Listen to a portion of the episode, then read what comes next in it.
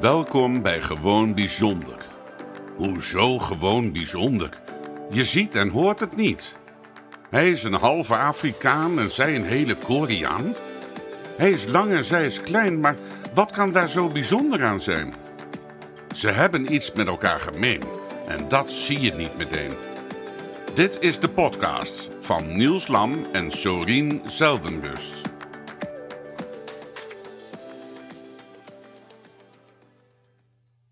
We zijn uh, alweer een tijdje onderweg, of een tijdje. We hebben alweer een aantal nieuwe afleveringen uh, online. En vandaag is het mijn beurt om Niels te bevragen over een, ik vind het nog wel een gevoelig onderwerp, maar dat zegt iets over mezelf. Ik voel daarbij een stuk verdriet, rouw, um, maar ook een beetje een verstrikking, om zo maar te zeggen. En ik ben wel nieuwsgierig wat dat met Niels doet met het onderwerp. We gaan het hebben over uh, geen contact meer hebben met je adoptieouders of ouder. En waarom hebben wij gekozen voor dit onderwerp? Dit komt omdat wij zelf ook um, een aantal coaches hebben en ook een aantal coaches kennen, of nou, geadopteerden kennen, uh, die dit mee hebben gemaakt of meemaken.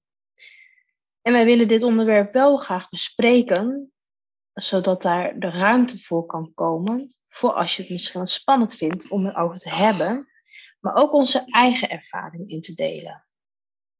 Dus vandaag het onderwerp, heb ik nog contact met mijn adoptieouder? En zo ja, wat doet het dan? En zo nee, wat doet het dan? Eigenlijk beide. En om bij jou te beginnen, Niels, ik, um, als ik het fout heb, dan geef het vooral even aan. Maar volgens mij heb je nu een maandje, anderhalf, zoiets zelf ervoor gekozen geen contact meer te hebben met je adoptievader door verschillende redenen. Daar gaan we natuurlijk niet te diep op in. Maar ik ben vooral heel erg benieuwd, um, wat is bepalend geweest voor jou om deze keus te maken? Ja, Um, ik heb de keuze gemaakt uh, vlak na Vaderdag. Dus het was juni uh, dit jaar. Dus het is ondertussen denk ik nu dan drie maanden, ja, drie maanden geleden. En nou is die keuze niet van de ene op de andere dag ontstaan. Het is niet zo dat ik op Vaderdag besloot en nu is het klaar. Er is natuurlijk wel een traject aan vooraf gegaan. En de reden dat ik daarvoor gekozen heb, is omdat ik aan alles in mijn systeem merkte dat ik daar gewoon echt last van kreeg. Dus um, ik voelde er stress bij. Ik voelde er heel veel verdriet bij en boosheid bij. En in het kader van zelfbescherming heb ik gezegd: oké, tot hier en niet verder. En het is niet zo dat ik met mijn vader slaande ruzie heb gekregen of dat er hele, hele vervelende woorden zijn gevallen. Um, dat is het niet. Het is een proces van, ik denk, een aantal jaren. En ik merkte gewoon dat ik gewoon niet tegen kon om, om, om continu verwijten naar mijn hoofd geslingerd te krijgen. En ook om dat ik merkte dat de verstandhouding die ik met hem heb, ja, dusdanig werd beïnvloed door externe factoren. Uh, dat ik niet meer op een gewone, gezonde manier met hem om kon gaan. En dat ligt deels, denk ik, toch wel door bij hoe hij in het leven staat, hoe hij naar dingen kijkt. En ook hoe hij communiceert. En hetzelfde geldt voor mij, hoe ik in het leven sta, hoe ik uh, aankijk naar uh, onze verhouding, dus mijn verhouding met hem. En ook hoe ik communiceer. En daarbij komt dat hij een relatie heeft met, een, uh, met zijn huidige vriendin. En niet om haar nu op deze podcast helemaal zwart te gaan maken. maar ja, ook haar manier van leven, haar manier van denken, haar manier van doen, komt toch in het systeem. En dat systeem is dusdanig veranderd dat ik er gewoon letterlijk, uh, nou, toch wel ziek van werd. En toen dacht ik op een gegeven moment, ja, dit, dit, dit kan niet meer. Hier, uh, hier moet ik mee stoppen om ja, voor mezelf dus te, te kiezen. En dat is eigenlijk de reden dat ik het gedaan heb. En ik heb hem losgelaten. Dat betekent dat ik hem, althans voor mij betekent dat, dat als hij vandaag of morgen voor de deur staat of hij mij opbelt, dan ga ik heus met hem in een gesprek. Er zijn alleen een aantal dingen uh, die ik anders zie dan hij. En ja, daar moet wel heel veel gebeuren. Wil ik daar, willen wij op één lijn gaan komen? Ik heb alleen wel besloten, de bal ligt bij hem. En daarom noem ik het ook loslaten. En dus dat, denk ik. Ja. ja, dan hoor ik gelijk een aantal dingen. Komt misschien ook door het weekend. We hebben afgelopen weekend natuurlijk ook weer een studieweekend gehad van uh, de SSP. Dan hoor ik een aantal dingen terugkomen bij jou. Je zegt echt met heel veel rust. En dat vind ik echt heel mooi hoe je dat zo brengt ook. Hè? Waarom je deze keuze hebt gemaakt. Maar kon je er ook in zeggen dat jouw systeem is daarin veranderd. En door de partnerkeuze die erbij is gekomen, uh, daardoor is zijn systeem veranderd. Maar daardoor ben jij dus ook, denk ik, dus even aanname daarin mee veranderd. Maar ik ben wel benieuwd, is dan, omdat je systeem daardoor is veranderd, is dan nu ook voor jou weer dat er een stuk verlies bij komt? Of is dan dat je deze keuze hebt gemaakt, dat je je toch ook wat vrijer voelt? Of, of, of ervaar je het ook weer als een rouw, verlies of wat dan ook? Daar ben ik wel even benieuwd naar. Maar het is denk ik vooral een combinatie. Toen ik de keuze maakte, voelde ik heel veel rust. En voelde ik echt een bepaalde last van mijn schouders afgaan. En in dezelfde periode voelde ik ook wel heel veel verdriet en, en, en, en linkte het ook wel weer aan verlies en, en, en rouw. En ik ben toen ook voor mezelf op onderzoek uitgegaan in, in, de eigen uh, materie die we dan hebben vanuit de opleiding die we volgen. Maar ik ben ook de boeken ingedoken en wat artikelen gaan zoeken. En het, er is ook gewoon sprake van verlies en rouw als je contact breekt met je ouders. En dus ja, ik denk wel dat het te maken heeft met, met, uh, met rouwen. Dat je gewoon weer. Uh, kijk, een, een, jaar of tien geleden is er natuurlijk een abrupt einde gekomen aan de relatie met mijn adoptiemoeder, doordat zij plotseling kwam te overlijden. Dat was heel heftig. Uh, ik, ik zie toch wel gelijkenissen in dit hele, uh, hele verhaal. Dat je, um, ja, ja, ja, het is, ja, ja, ja, ik kan een lang verhaal kort maken. Ja, ik voel het ook wel als verlies en rouw. En ja. Ja, en dan hoor ik je zeggen dat het toch weer verlies en rouw is. Kun je dan spreken dat het dezelfde soort gevoel is als eerst wat je dan hebt, of is het toch anders? Nou, ik merk wel dat ik nu wat rustiger ben in alles. Ik kan er nu wat overzichtelijker naar kijken. Wetende dat hij natuurlijk nog ook een leven is. Dus als ik, hè, als ik bijvoorbeeld in, het, in mijn kinddeel uh, zou schieten, dan heb ik de behoefte om hem weer te gaan bellen.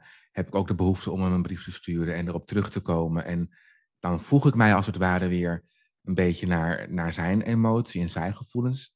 Zo komt het tot mij over. En dat kon ik natuurlijk toen de tijd, toen mijn moeder, uh, plots, adoptiemoeder plotseling overleed. Natuurlijk wilde mijn kinddeel nog steeds dat ze hè, weer uh, op de stoep stond en dat ik haar kon bellen. Maar ik had ook ergens echt wel het besef van, het is gewoon definitief.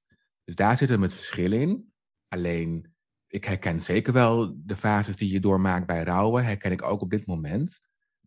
En volgens mij is het ook een heel natuurlijk proces en ook een heel uh, logisch proces.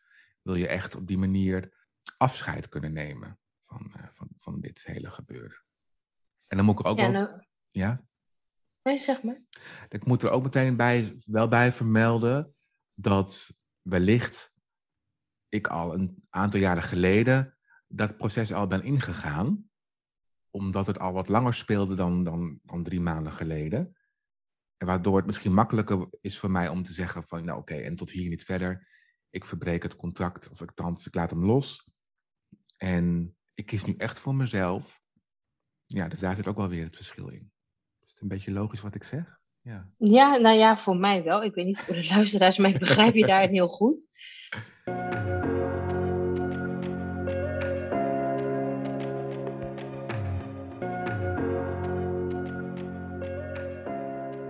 En hoe ver, want ik hoor je nu een aantal keer zeggen van ik heb hem losgelaten, maar in hoeverre kun je loskomen van, van hem? Dat lijkt mij best wel lastig, om zo maar te zeggen. Ik heb wel een tijd geen contact meer gehad met mijn adoptieouders, maar net was ik ook veel jonger.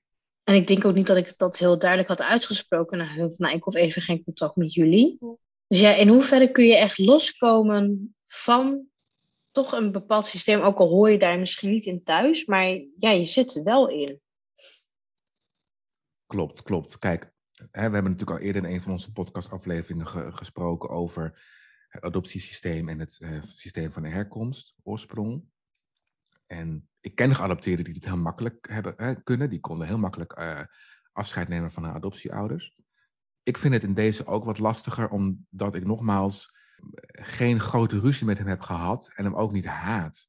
En misschien ook doe ik het ook uit liefde voor onze verstandhouding door te zeggen ik laat hem los, omdat ik hem anders misschien wel ga haten. En dat maakt het tegelijkertijd wel moeilijk om helemaal het contact te verbreken. En dus het gaat me zeker niet makkelijk af.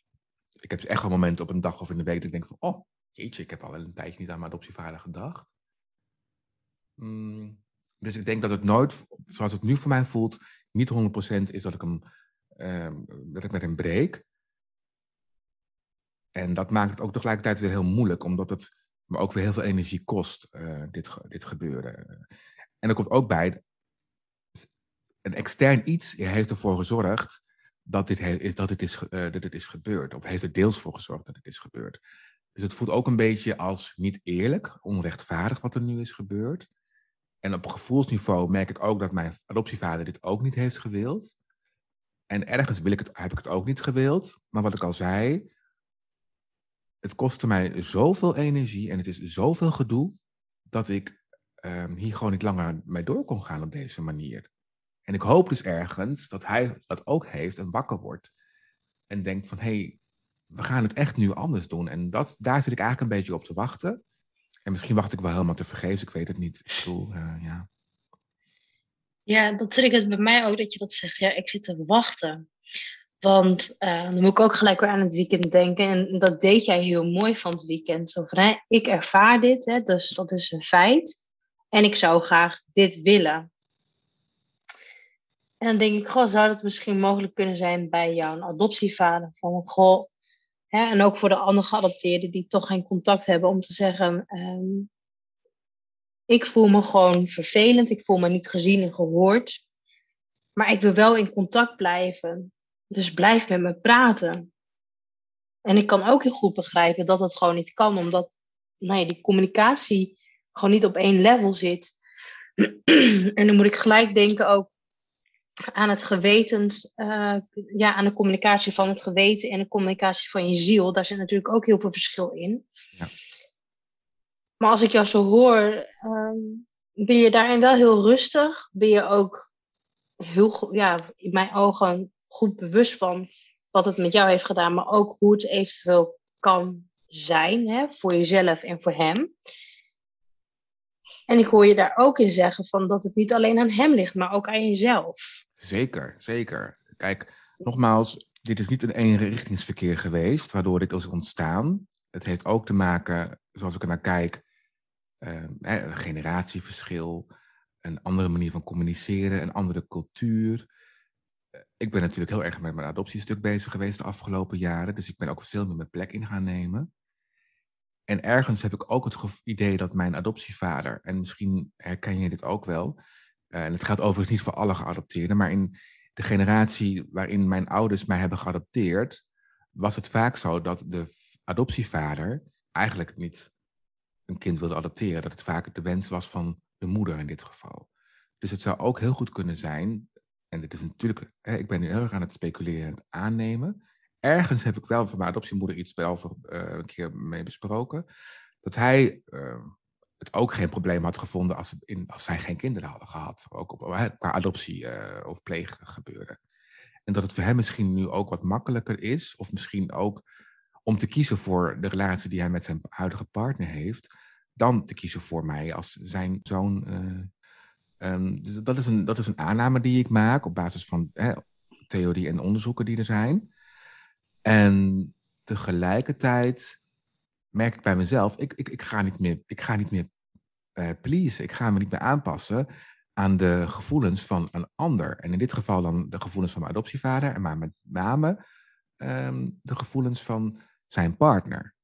Zijn partner is, is heel erg stellig aanwezig in dit hele gebeuren. Drukt ook heel erg op onze verstandhouding.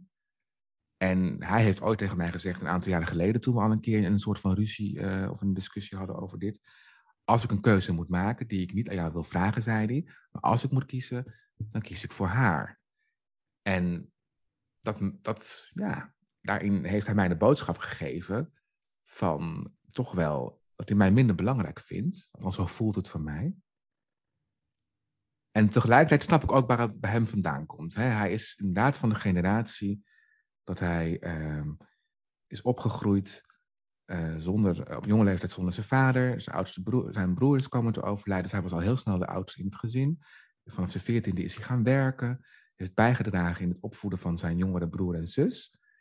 En heeft een vrouw gehad. Maar als Niels, als, uh, um, want nu wijken we af naar zijn verhaal. Ja. Hè?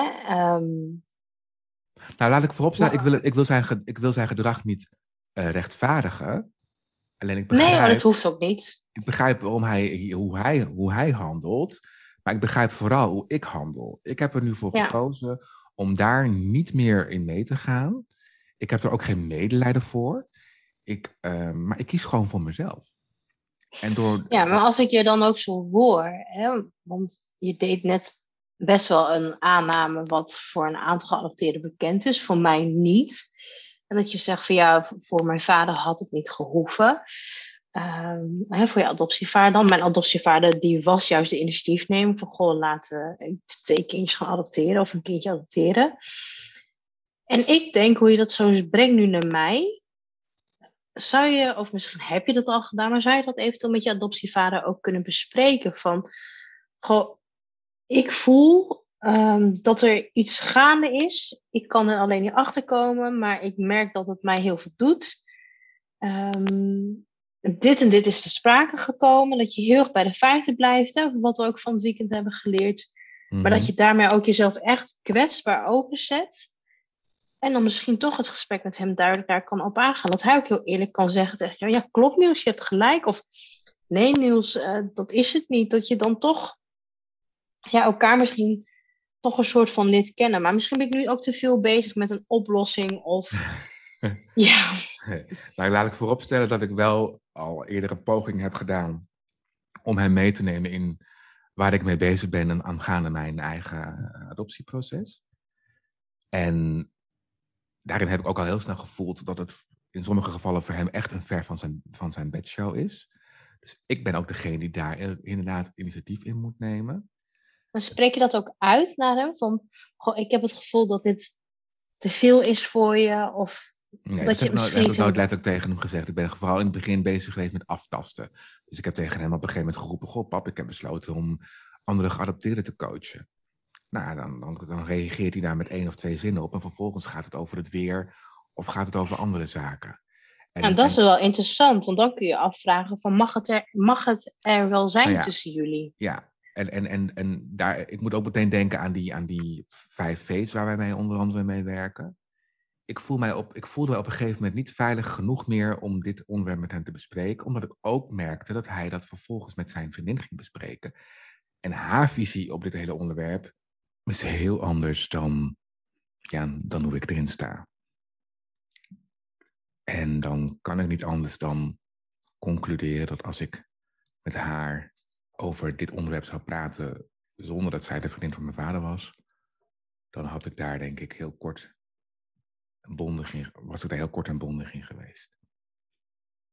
Dus ja, nee, ik voel, het, ik voel me niet geroepen om met haar over mijn adoptieproces te praten. En dat maakt het natuurlijk lastig om met mijn adoptievader over mijn adoptieproces te praten, als zij daar ook wat van vindt. En als hij vervolgens ook haar visie en mening uh, ter overweging gaat nemen, hoe hij vervolgens dat weer met mij kan communiceren. En dat zorgt er dus voor dat ik mij bij hem op dit moment niet veilig genoeg voel, voel om over mijn adoptieproces te praten. Ja, en, maar dat denk ik gelijk ook. Um, blijkbaar kan jouw vader dus niet, en dat is even aanname van mij, um, authentiek en autonoom blijven naar zichzelf. Hè? En dat, daar heeft hij natuurlijk bepaalde redenen ook voor, waar we wel eens eerder over hebben gehad. Maar als je dat dan wel bij jezelf wil hè, houden, uh, jouw eigen mening, Mhm. Zonder dat, dat hij wordt beïnvloed door zijn huidige partner nu. Ik denk dat de gesprekken die je dan hebt met hem, dat je daar dan aan vast mag blijven houden. Zonder dat hij het al gelijk heeft gesproken met haar, om zo maar te zeggen. Ja. Want daarin is hij wel natuurlijk, denk ik, echt puur naar jou, hoe hij dat ziet. Zonder dat hij al is beïnvloed of uh, wat dan ook. Ja, alleen het is een herhaling van zetten. Dus niet de eerste keer dat dit, uh, dat dit zo gebeurt. Dus ik hecht zeker wel waarde aan mijn uh, één op één gesprekken met hem. En daar kan ik ook wel um, bij blijven. En voor nu voelt het, uh, voelt het zo zoals het nu is. Ja, maar is, dan, ja, is het dan trots? Of is het dan toch het kindsdeel? Of is het dan toch de volwassene? Of... kijk, het kan een kindsdeel zijn, maar het is ook zeker een volwassen stuk.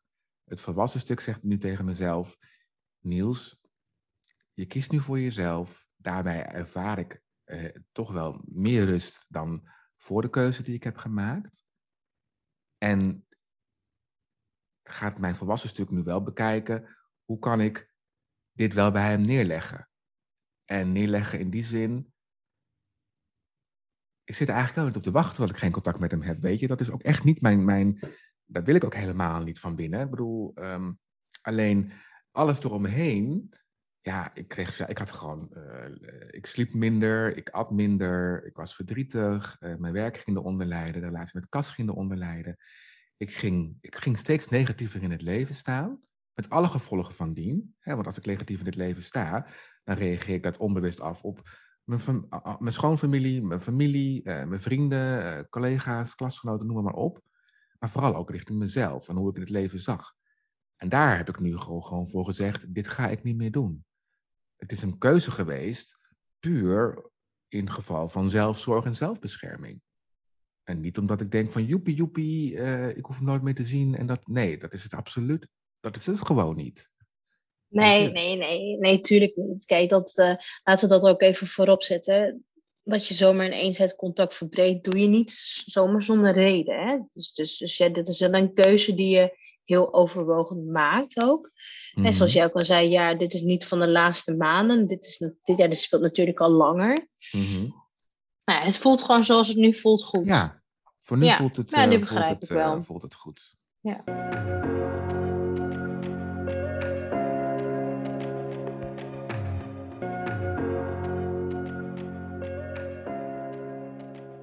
Ik hoop gewoon heel erg dat uh, nou ja, in dit geval dan hè, jouw adoptievader een soort van heropvoeding toch misschien een beetje krijgt door jou. Ja, nou ja, ik kan het heel goed begrijpen. Eh, laat en daarbij wil ik het echt niet meer goed praten hoor. Maar um, om een adoptieouder mee te krijgen in jouw proces um, kost ook heel veel voor de adoptieouder. Omdat zij ook geconfronteerd raken met een bepaald onderwerp.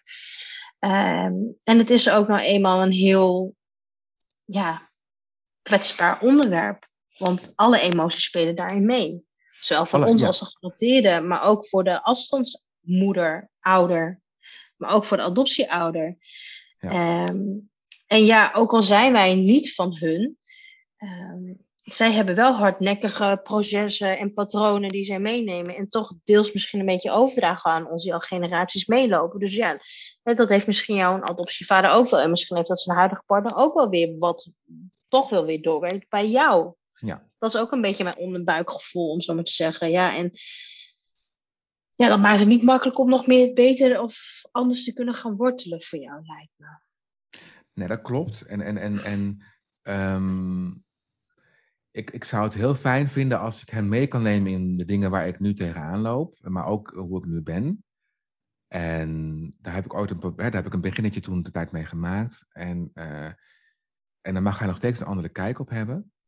En misschien hoort het ook bij het proces. Hè? Misschien hoort deze uh, actie die ik een paar maanden geleden, geleden heb gedaan, er ook bij dat er zo meteen misschien wel een, een, een telefoontje gaat, gaat komen van mijn kant naar hem of van hem naar mij of wat dan ook. En dat we wel uh, over kunnen gaan praten.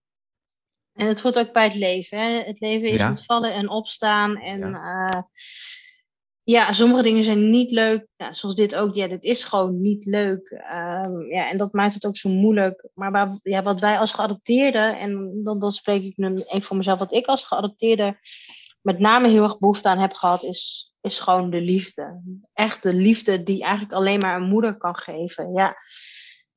En hoe lullig dat ook klinkt, maar dat is gewoon onvervangbaar. Ja. Dat kan niemand. Ja, en, en, en dat, daar, kan, daar, daar ga ik voor een heel groot deel in mee. Ik denk dat mijn adoptieouders mij op een bepaalde manier uh, liefde hebben gegeven.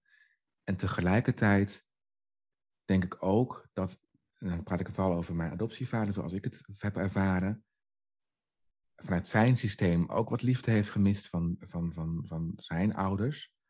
Dat het heel moeilijk voor hem is om dat dan aan mij te geven, dat denk ik.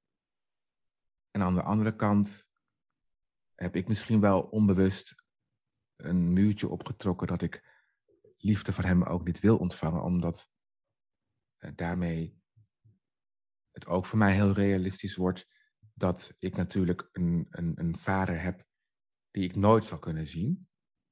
Dus ja, maar goed, dan kunnen we een hele andere podcast aflevering over gaan opnemen. Maar ik, ja, vind nee, het wel, dat snap ik. ik vind het wel heel fijn om te ervaren en ook vanaf bovenaf naar het geheel te kijken. Daardoor ga ik mezelf. dit zouden wij een paar jaar geleden niet kunnen bespreken met elkaar. Want nu weten we natuurlijk meer dan een paar jaar geleden. En, en, en ik hou van mijn adoptievader, nogmaals, op de manier zoals ik hem van hem hou. En um, ik mis mijn adoptievader. Um, en tegelijkertijd, ja, ja wil, ik, wil ik mijn eigen persoon zijn en blijven. En, uh, heb ik deze keuze gemaakt. En zolang jij daarmee de rust hebt en vooral ook niet jezelf mee in de weg gaat zitten en het schuldgevoel niet groter gaat worden, is het ook een keuze waar je achter kunt staan. Ja.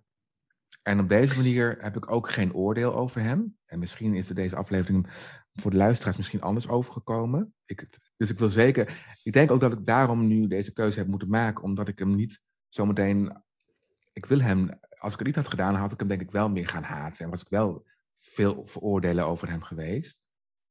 Nou, dan denk ik um, dat het mooi is om hierbij af te sluiten. En ik vind het echt heel dapper hoe je dit allemaal zo hebt verwoord. Omdat het niet makkelijk is zo'n onderwerp te bespreken. Helemaal als het persoonlijk is.